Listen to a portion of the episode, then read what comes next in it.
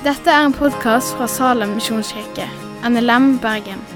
For mer informasjon om Salem, gå inn på salem.no.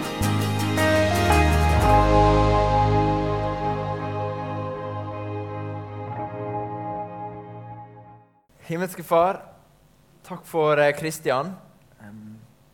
Takk for at han eh, er villig til å dele ditt ord eh, her i kveld. Herre, jeg ber om at du skal eh, tale gjennom han, um, og at din vilje skal skje, Jesus. Åpne opp våre hjerter så vi er klare til å ta imot. Um, og gi Kristian visdom um, til å tale ditt ord. Jeg legger han i dine hender, Jesus, og ber om at du skal velsigne ham. I ditt navn. Amen. Amen. Takk. Skal vi begynne på en taleserie som heter 'Jobb og tro'. I Kolosserbrevet 3 så står det Vær ikke øyentjenere som bare vil gjøre mennesker til lags, men avlyd dem av et oppriktig hjerte. Her er det snakk om, om slaver og herrer. I ærefrykt for Herren. Alt arbeid skal dere gjøre helhjertet, for det er Herren og ikke mennesker dere tjener. Og dere vet at Herren skal gi dere sin arv som lønn. Tjen Herren Jesus Kristus. Det er veldig vanlig å tenke at jobb er én ting, tro er en annen ting. Søndag og lørdag hører til troen, alt annet hører til det vanlige livet. Og så er det fort gjort å sette et skille der.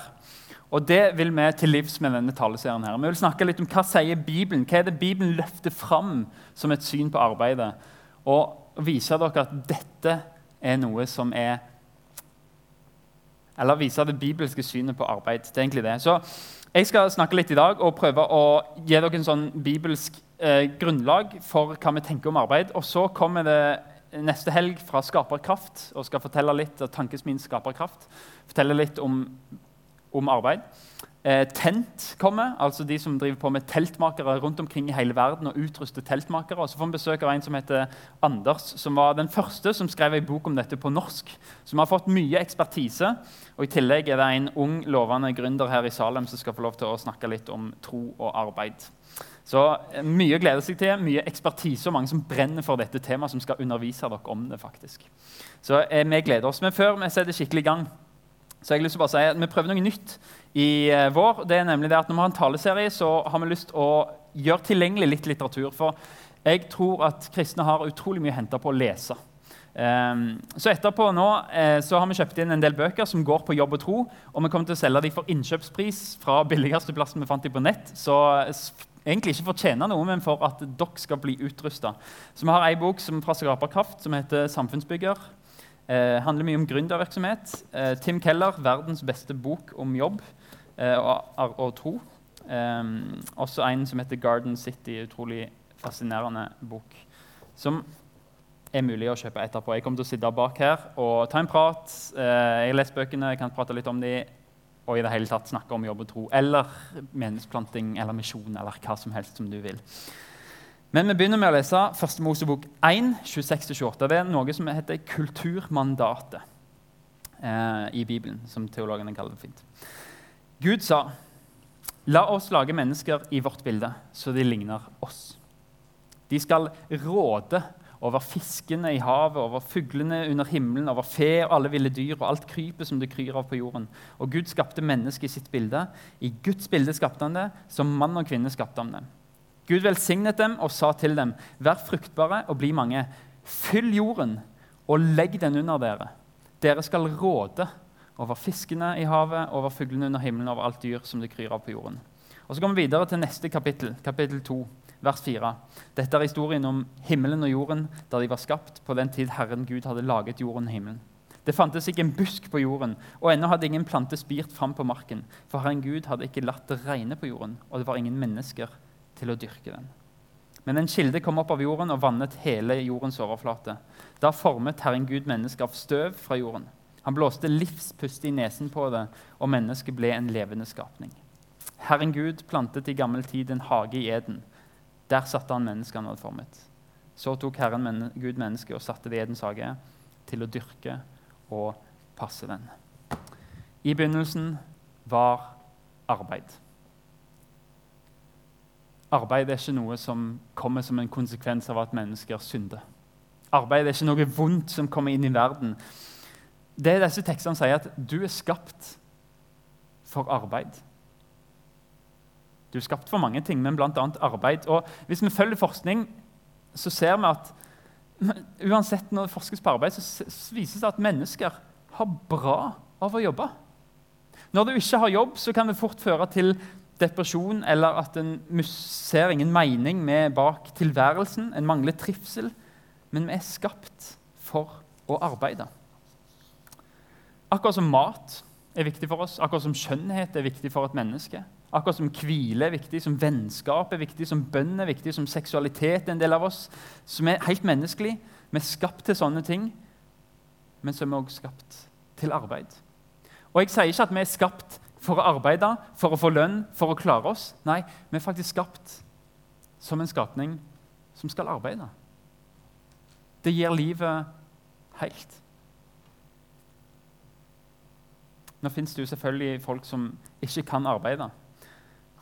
Og der er vi heldige som har andre folk som arbeider med nettopp det, som, som gjør det faktisk mulig å være helt menneske dog. Noen begreper som vi leste i teksten. Gudsbildet. I de tidene som dette ble skrevet, så var det sånn at når, når det ble satt opp et gudsbilde en plass, altså et bilde av en gud, en avgud, så var det sånn at Gudens arbeid, selv om det bare var ei steinstøtte, ble på en måte utført gjennom det. Folk kunne komme dit og tilbe. Det var en representant for Gud. Og På samme måte så setter Gud mennesket i hagen som en representant for Gud. Guds herredømme, hans regjerende makt, blir utøvd gjennom mennesket som Guds bilde. Og mennesket bærer en skapende funksjon som Gud har gitt det. Så I 1. Mosebok 1 og 2 så leser vi at mennesket det kan, det kan handle. på en måte. Speile Gud i hans skapervesen. Med å legge jorda under seg og være råde over jorda. Ved å fylle jorda. Men hva vil det si å fylle jorda? Det, jeg har prøvd å lese litt i kommentarlitteratur til disse som kan det språket. alt mulig sånt som ble skrevet på. Og, Når det skriver at mennesker skal fylle jorda, så, så sier de at dette handler ikke bare om prokreasjon. Det handler ikke bare om å få barn. Men det handler om å fylle jorda med en sivilisasjon, med kultur. Et samfunn. Gud kunne skapt jorda eh, med byer og samfunn ferdig.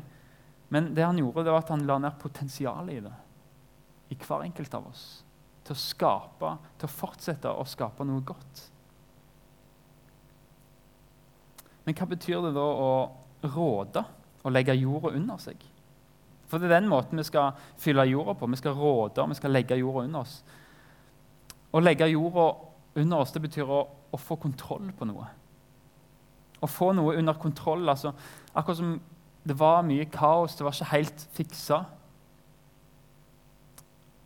Og det var mange ressurser å utnytte, og så skal vi få det i kontroll og orden. Å råde det handler egentlig om kvegdrift eller jordbruk og, og temme dyr. Men vi skal råde over jorda. Vi vi skal temme naturressurser, temme energi. Og utøve forvaltning. Vi skal ikke utnytte, men forvalte skaperverket. Så disse kommentarene som skriver, de sier at egentlig så oppdraget Gud gir, det er å få et system og en orden inn i et skaperverk som Gud er, har skapt godt. På måte, samme måte som Gud har ordna hele kosmos med alle planeter. Alt er perfekt lina opp for liv på jorda. Så gir han mennesket ansvaret å ordne jorda. Fylle den, forme den, fortsette der Gud slapp. En menneskelig utvikling. Og de skal gjøre det for mennesker. Sosial utvikling, kulturell, utvikling. Oppdraget er med ett ord, skrev en, sivilisasjon. Og Det innebærer alle typer arbeid. Så lenge det tjener mennesker, og så lenge det tjener skaperverket. Og så lenge det har et mindset som sier dette er Guds jord, dette er Guds skaperverk. Jeg forvalter det for ham.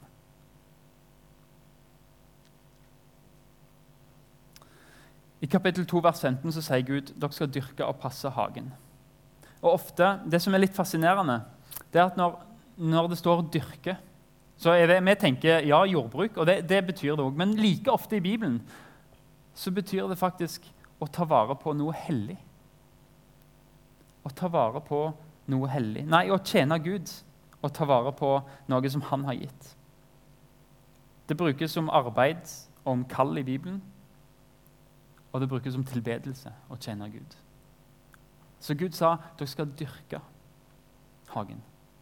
Dere skal arbeide, og dere skal tilbe. Det er det samme. Og så skal vi passe på hagen. At ingen ødelegger Det ble brukt om når noen hadde samla inn masse korn, og så passet de på det at ingen skulle ødelegge det eller stjele det. Og Det ble også brukt om at ingen skulle gå inn i tempelet og ødelegge det. altså portvakter som gjorde at ingen skulle komme inn i tempelet og vanhellige det. Det er hellige oppdrag. Det er et jordelig oppdrag. Arbeid er Guds kall til å tjene Han og til å tjene jorda. Når Gud sa at dere skal dyrke og passe hagen, så betydde det tilbe Gud med å tjene hans plass. Tjen mennesker for deres beste. Skap orden, kultur, samfunn, sivilisasjoner. Det er et arbeid som tjener Gud, og som tjener jorda. Vi skal opprettholde jorda som et hellig sted, som Guds sted. Som er godt og skapt av Gud, og vi skal gjøre det til glede for mennesker. I vår materialistiske verden så er arbeid redusert til noe veldig sånn utilitaristisk. Ikke det det heter? En måte å bare tjene fordeler for denne verden. Tjene penger, makt. Um, og dette livet her er alt som gjelder. Jeg skal bygge en størst mulig bedrift for å få mest mulig penger, sånn at jeg kan ha det bra, min familie kan ha det bra, og i dette livet. Og det vi ser er at Arbeid har mista det perspektivet som, som, Bibelen løfter opp. Og sier at dette er en måte å tjene Gud på. Dette er en måte å elske Gud på og arbeide. Og Når vi gjør det skillet der og sier at det gjelder egentlig bare dette livet, det gjelder bare det du kan tjene, så, så er det mange som stiller spørsmålet er det mening å jobbe da. Altså, Vi dør jo en dag uansett. Men som kristne så skal vi få tro at vi gjør det for en større sak. Vi gjør det for Gud. Vi tjener Gud. Og det er tid for at Kirka gjenerobrer den vesentlige delen av livet og sier at det å arbeide, det er òg å tjene Gud. Det kan være litt sånn Ja, men arbeide og tjene Gud, er det det, hvordan, hvordan, funker det, liksom? Luther har et helt konkret eksempel. Han sier at uh, du, har, du har en bonde som sår korn. Og så har du noen som høster det kornet. Og så har du noen som transporterer det kornet til mølleren, og mølleren maler det. Bakeren baker brød som du kjøper i butikken. Og når du ber 'Gi oss i dag vårt daglige brød', så ber du egentlig Gud om å ta vare på alle i den leddet der. Fordi arbeid En kjenner Gud, en kjenner mennesker. Jeg skal komme litt inn på det etterpå. Men det vi egentlig sier, da, det er at sekulær jobb Det uttrykket 'sekulær jobb' Jeg har en sekulær jobb. Jeg, jeg jobber ikke i kirke eller misjon. Jeg jobber sekulært. Det er det som jeg kaller et oksymoron. Det det er selvmotsigende. Det fins ikke. La meg understreke at det fins arbeid som kristne ikke skal ha. Prostitusjon eller torpedo, f.eks. Men, men uansett hva bransje du er i, så er det egentlig en tilbedelse til Gud, det òg. Gud eier verden, har gitt oss ansvaret med å kultivere den, og vi gjør det som arbeidere. det gjør at jobb i Bibelen og i den teologien som vi hører til i Luthers teologi, kaller arbeid for kall. Fordi du gjør ikke dette for deg sjøl. Men en som kristen så skal du få lov til å gjøre det for andre. For noen mennesker og for Gud. Det er tjeneste, og det er ikke bare for dine egne interesser. Tenk så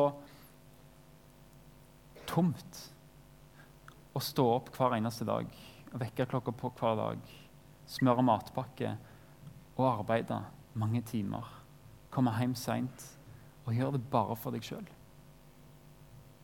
Bibelen inviterer deg inn i noe større og sier du kan tjene de neste, og du kan tjene Gud. Og Det er så fascinerende. Vi er luthersk, Norsk luthersk misjonssamband hører vi til. Og Disse bøkene her er det ingen av de som er lutherske, som har skrevet. Men når det kommer til teologi om arbeid og tro, så er det sånn at absolutt alle springer til Luther. Fordi den teologien som Luther står for, er rett og slett noe som er revolusjonerende når det kommer til arbeid. Han er enkel og genial. For Luther han vektla verdien av at alt arbeid det handler egentlig om at Gud tar seg av mennesker. Sånn så Arne leste helt i starten, så hvis Gud ikke bygger huset, så bygger arbeidsmannen forgjeves. Gud tar seg av mennesker. Og Det leser vi i Bibelen, at, at han tar seg av, han kler mennesker. Han sørger for regn, sånn at marka får spire fram, og at dyr får mat, og at mennesker får mat. Han støtter menneskeligheten gjennom, gjennom sitt forråd og regn, men òg gjennom menneskelig arbeid, sier Luther. Og Han sier at når vi arbeider, så er vi Guds masker er det et uttrykk han bruker. Vi formidler hans omsorgsfulle kjærlighet for vår neste. Og løft, Den forståelsen løfter meningen med arbeid fra det å bare få lønn. Men det får være del av noe større, et bilde der du ser at Gud tjener verden gjennom meg. Bibelen viser en Gud som skaper verden, som skaper mennesker, og som fortsetter å ta vare på dem. Bibelen viser oss Gud i arbeid for menneskene med å ta vare på jorda, med vanne med regn, la han bære fram frukt, gi mat til alle skapninger han har skapt, gir hjelp til de som lider, og tar vare på skapningen. Men vi ser jo at det er mennesker som gjør det. Nettopp, sier Luther. Men Gud gjør det gjennom mennesker. Og Gud inviterer oss inn i det arbeidet for å være masker for han. At når folk ser vårt arbeid, så skal de se en del av Gud. Vi skal råde og vi skal forvalte. Gud lot skapelsen ligge med et stort potensial for at vi skal utvikle det, for at vi skal vise Guds skaperkreativitet og hans kjærlighet. Gud arbeider for oss som han forsørger oss, men vi arbeider også for han. Vi er samarbeidere. Han virker gjennom oss. Hvis ikke Herren bygger huset, arbeider bygningsmannen forgjeves.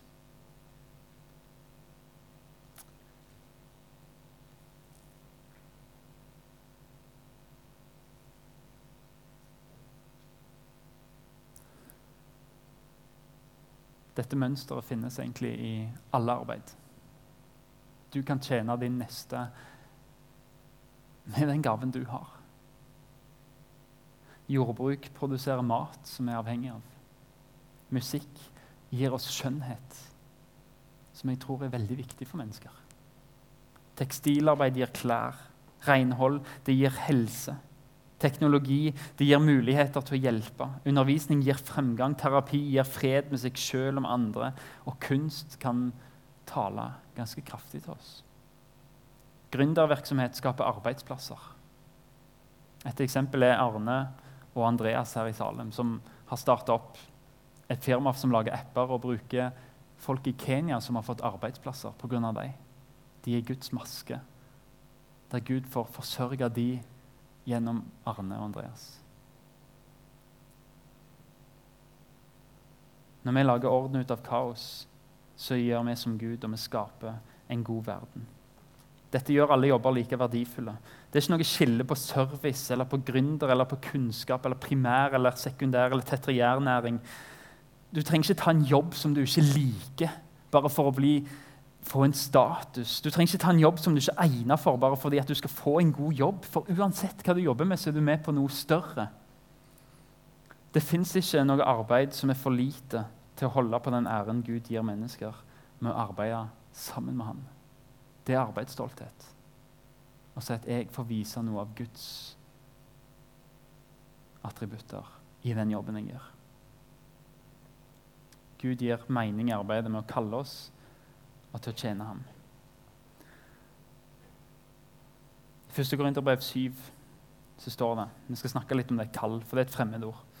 Derfor skal enhver leve sitt liv der Herren har satt han, der han var da Gud kalte ham. Dette gir pålegg om i alle menighetene. Om noen blir kalt som omskåret, så la han ikke prøve å forandre det. Om noen blir kalt som uomskåret, skal han ikke la seg omskjære. For det som betyr noe, er ikke å være omskåret eller uomskåret, men å holde Guds bud. Enhver skal forbli der han var da han ble kalt.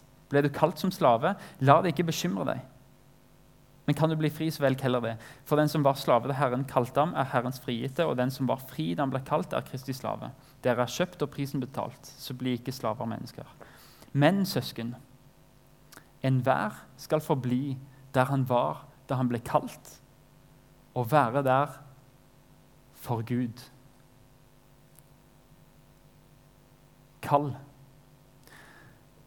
Paulus snakker i denne konteksten om arbeid, ikke om tjeneste i en menighet. Ikke om tjeneste i misjon. Og han velger å bruke ordet 'kall' om arbeid. Han har kalt deg til arbeid. Vi kaller det sekulære jobber, og Paulus rister på hodet og sier nei. Dette er et arbeid for Gud, det òg. På samme måte som Gud utruster og kaller kristne med nådegaver til å bygge en menighet, til å drive misjonsarbeid, sånn kaller han òg mennesker og utruster dem med talenter og gaver for å bygge opp samfunnet gjennom arbeid. Og det er kall når, de, når, du gjør det for noen andre. Et kall er ikke noe du gjør for deg sjøl, men et kall er noen som kaller deg og spør kan du gjøre dette for noen andre. En tjeneste for Gud, en tjeneste for andre. Og Luther sa faktisk at andre kristne de, de har noe som heter stand.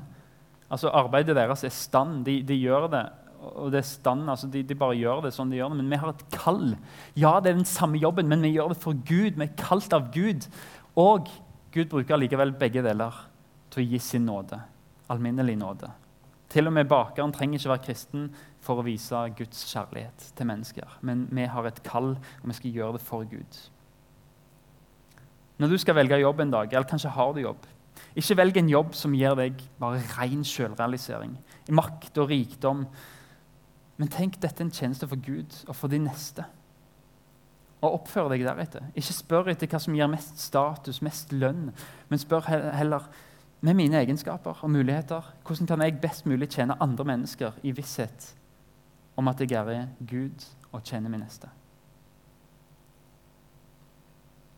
Så vil jeg jo skyte inn at kall i vår teologi ikke bare handler om jobb, men det handler like mye om det å være far og det å være mor og det å være samfunnsborger og stemme ved valget, faktisk. Kallet er mye mer. Det å være en sønn, det å være en god datter. Du gjør det òg til ære for Gud og for, neste, og for det neste beste. Ok, Vi kunne snakka lenge om dette, og jeg vet at arbeid er ikke enkelt. Å, tenke på den måten at ja, jeg skal tjene Gud jeg skal tjene min neste, det er ikke bare enkelt. Fordi vi er alle sammen vi har Vi er syndere. I syndefallet så kom synd inn i verden. Og det preger absolutt alle. Det preger jobben vår. Arbeid er nå i en verden som opprettholdes av Gud, som sender regn, og som gir oss alt vi trenger egentlig. Men så er det allikevel forstyrra av synd. Min jobb er forstyrra av synd. Egoisme gjør ting for meg sjøl. Jakt etter heder og ære og makt det kan gjøre det fineste arbeid til en forbannelse for mange mennesker. Og Vi bruker arbeidet for å løfte oss opp og for å tjene mer framfor å tjene de som faktisk trenger det. Det er bare til å se fordelingen i verden i dag. Hvordan folk arbeider for å få mer, mer, mer, mer. Og de aller rikeste kunne bare slette ut omtrent alle sultkatastrofer. Det er syndens forbannelse over den gode velsignelsen som Gud ga oss når han sa at dere skal fylle jorda, og dere skal råde og forvalte. Men likevel skal vi få arbeide med hensyn om å ære Gud og kjenne nesten. Og det er én ting som er viktig å si. Du kommer aldri til å bli frelst av ditt arbeid. Du kan tenke at 'jeg skal tjene Gud og jeg skal tjene nesten min', men la meg få si én ting helt klokkeklart. Arbeid handler ikke noe om ditt forhold til Gud.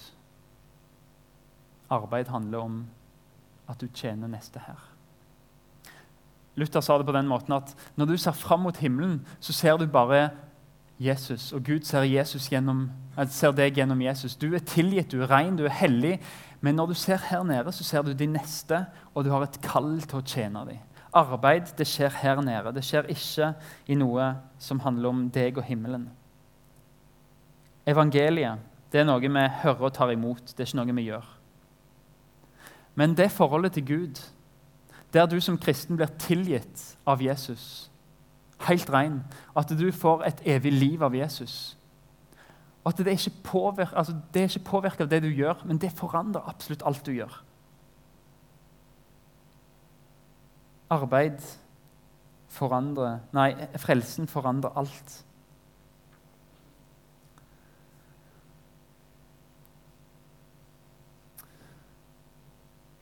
Fordi som syndere, og det ser vi til og med i jobben, egoisme Allikevel, når vi ikke makter å leve opp til, til, til det å elske sin neste en gang, så er det synden som, som ødelegger det for oss.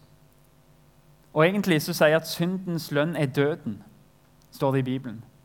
Og det var der vi fortjener å være, egentlig.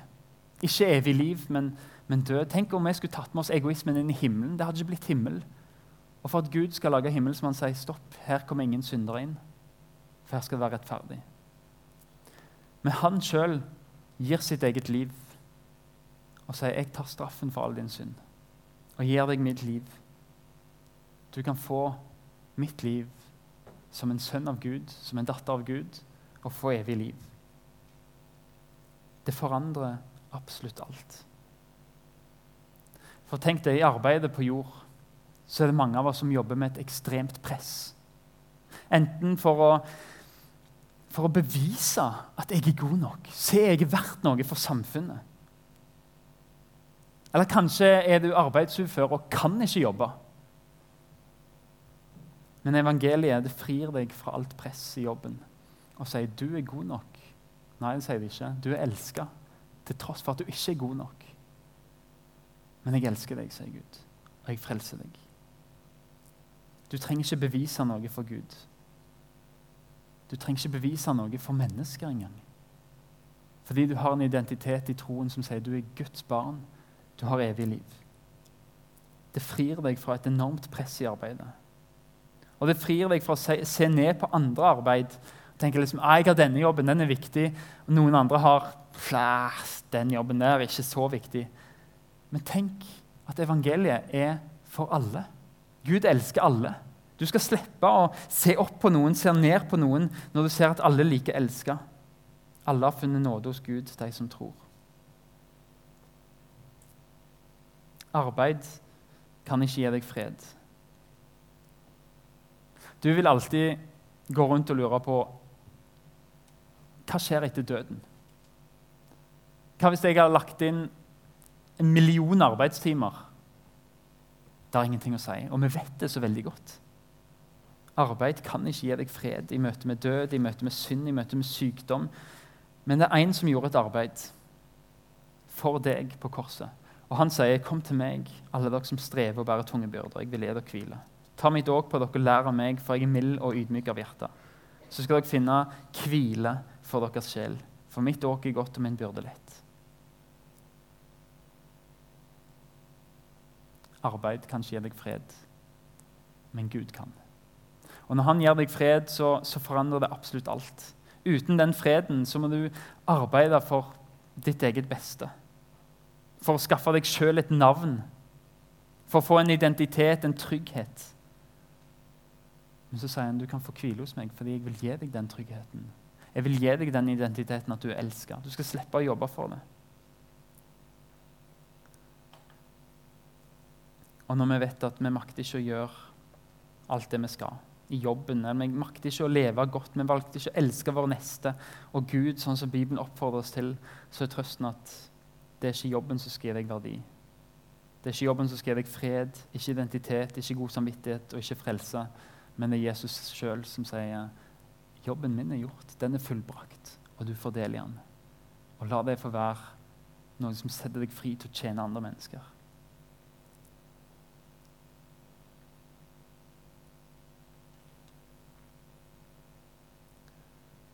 Troen er fullkommen. Den trenger ikke støtte fra deg. Jesus trenger ikke støtte fra deg. For i troen har du Jesus, og han er perfekt. Men de neste trenger støtte. De neste trenger tjeneste, de neste trenger råd, han trenger styrke. Det er vårt mål for arbeidet. Å få være Guds maske som viser mennesker Se her. Gud ser til deg. Og Det kan du gjøre i absolutt alle fagfelt.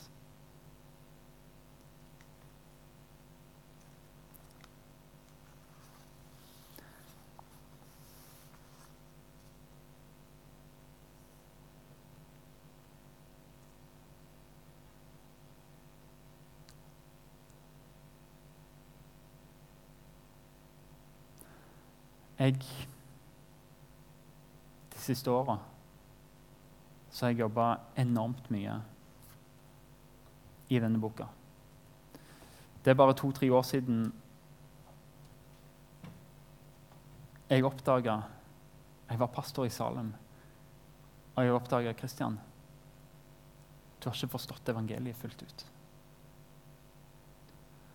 Jeg leste masse bøker for å være en så god pastor som mulig. Hvordan være en god leder. Ti tips til å få kirka di til å vokse. Hvordan fikse ekteskapet ditt på 1, 2, 3. Ting du måtte gjøre. Og jeg var sliten, og presset var høyt, og jeg tenkte jeg greier ikke dette. Så var det en dag jeg bestemte meg for Gud. Det er et eller annet i ditt evangelium som er uendelig mye større enn det jeg ser og tror. Jeg senser det. Jeg bestemte meg for å, lese, for å begynne å lese mer i Bibelen og kommentarer. Og til å lese forfattere som jeg visste la ut evangeliet.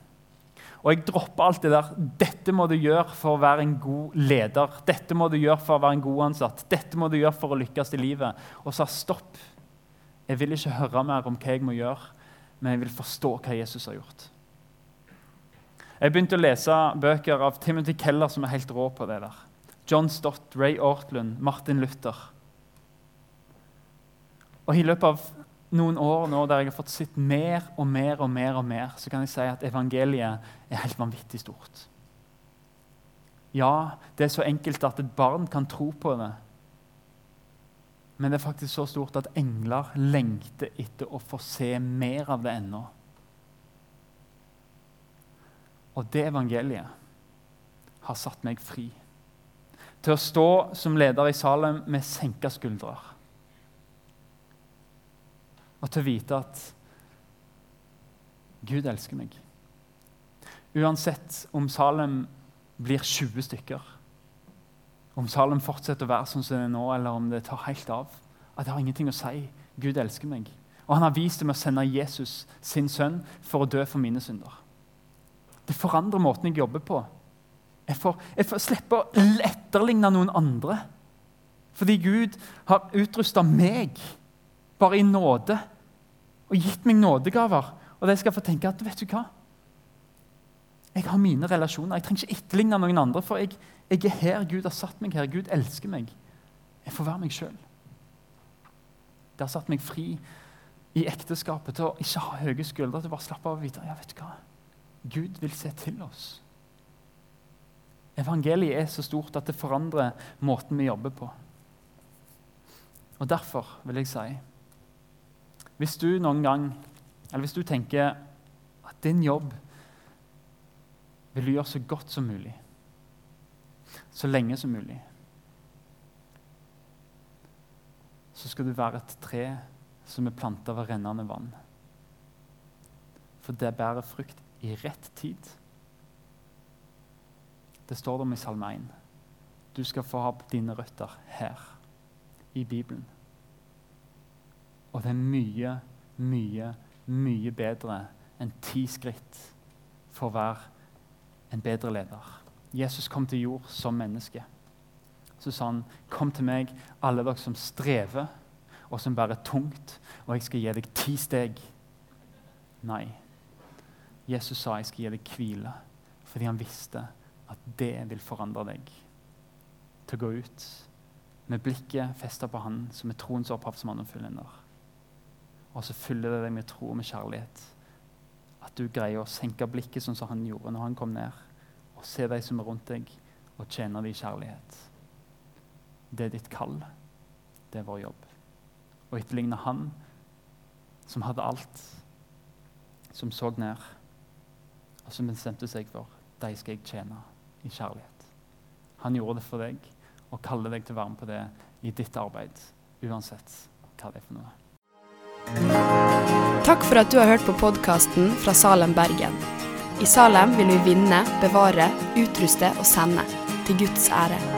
Vi ønsker å se mennesker finne fellesskap, møte Jesus og bli disippelgjort her i Bergen og i resten av verden. Vil du vite mer om oss, gå inn på salem.no.